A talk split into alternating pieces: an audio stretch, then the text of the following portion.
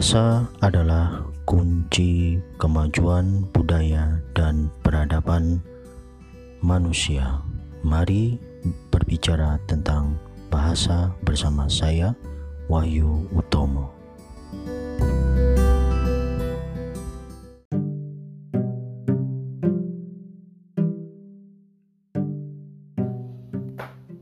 Halo, selamat sore. Assalamualaikum warahmatullahi wabarakatuh. Berjumpa lagi dengan saya Wahyu Utomo dari podcast Patitis Translation. Sore ini kita akan mencoba mengulas atau mengenal uh, apa itu linguistik sistemik fungsional. Check this out. Selamat mendengarkan, jangan di skip. Oke. Okay?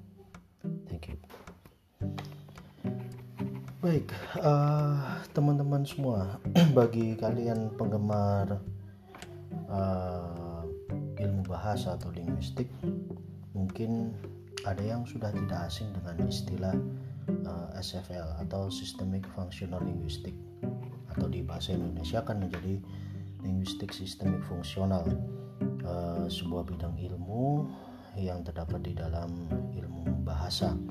Tapi bagi kalian yang masih uh, apa ya masih mungkin pertama kali mendengar gak apa kita akan mencoba mengenal uh, di podcast ini pada episode ini saya coba uh, membahas tentang uh, secara singkatnya dulu lah mungkin yang yang awal-awal aja apa itu linguistik sistemik fungsional yang saya jadikan referensi adalah buku pengantar linguistik sistemik fungsional yang ditulis oleh Prof. Tri Wiratno MA uh, dari Universitas 11 Maret Surakarta.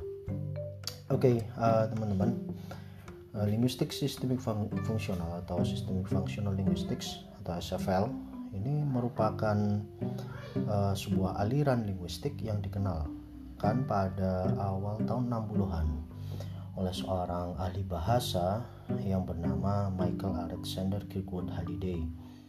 Uh, dia adalah seorang ahli bahasa, seorang linguis uh, kelahiran Leeds, Inggris. Uh, dia beliau lahir pada tahun 1925 dan uh, tahun 2018 kalau nggak salah ya, beliau meninggal di Sydney 2018 kemarin ya Australia. uh, kata sistem yang terdapat pada istilah linguistik sistemik fungsional ini sebenarnya mengacu pada Eh, sistem pilihan yaitu pilihan secara paradigmatis penggunaan bahasa berada pada pilihan bentuknya. Misalnya pada peristiwa komunikasi pengguna bahasa akan dihadapkan pada pilihan klausa. Apakah klausa itu deklaratif atau indikatif atau apakah nanti klausa itu aktif ataukah pasif? Itu yang dimaksud uh, sistem gambaran sistem yang terdapat pada uh, cabang ilmu linguistik ini Nah, sedangkan kata fungsional ini maksudnya adalah bahasa dalam konteks penggunaannya sebagai fungsinya penggunaannya. Eh, bahasa ini dengan bentuk-bentuknya itu memiliki uh, fungsi fungsi sendiri-sendiri ya uh, lalu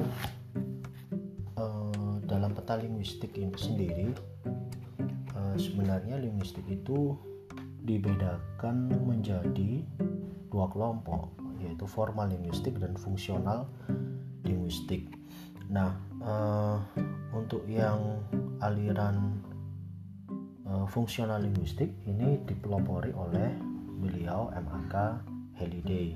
Sedangkan uh, dari Inggris ya. Sedangkan untuk yang formal linguistik formal ini uh, dipelopori oleh ahli bahasa dari Amerika yang bernama Noam Chomsky yang lahir pada 1928. Hmm, pada masing-masing kelompok ini terdapat berbagai macam variasi dan jumlah tokoh yang sangat banyak.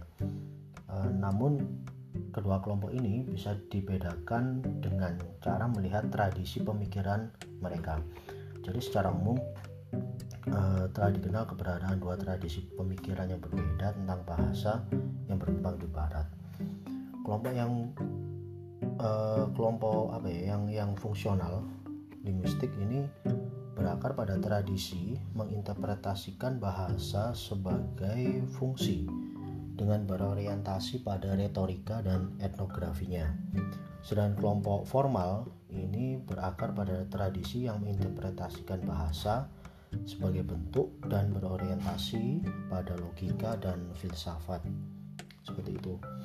Nah, lalu perkembangannya seperti apa? Nah, perkembangannya ini sebenarnya tradisi fungsional ini justru uh, ber, uh, berkembang mulai dari daerah kawasan Eropa Timur ya uh, di mana uh, beberapa kalangan formalisme Rusia telah timbul kesadaran tentang pentingnya konteks dalam pembelajaran bahasa uh, yaitu konteks secara sosiologis ya uh, formalisme yang di, dari timur ini mereka terpengaruh pada aliran fungsionalis Moskow.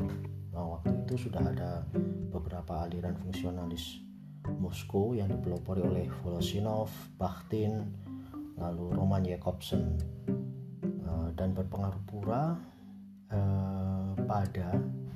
Jadi aliran fungsionalis itu juga mempengaruhi aliran yang dari Praha. Yang di situ di Praha itu ada Matesius, ada Mukarovsky dan ada Danes.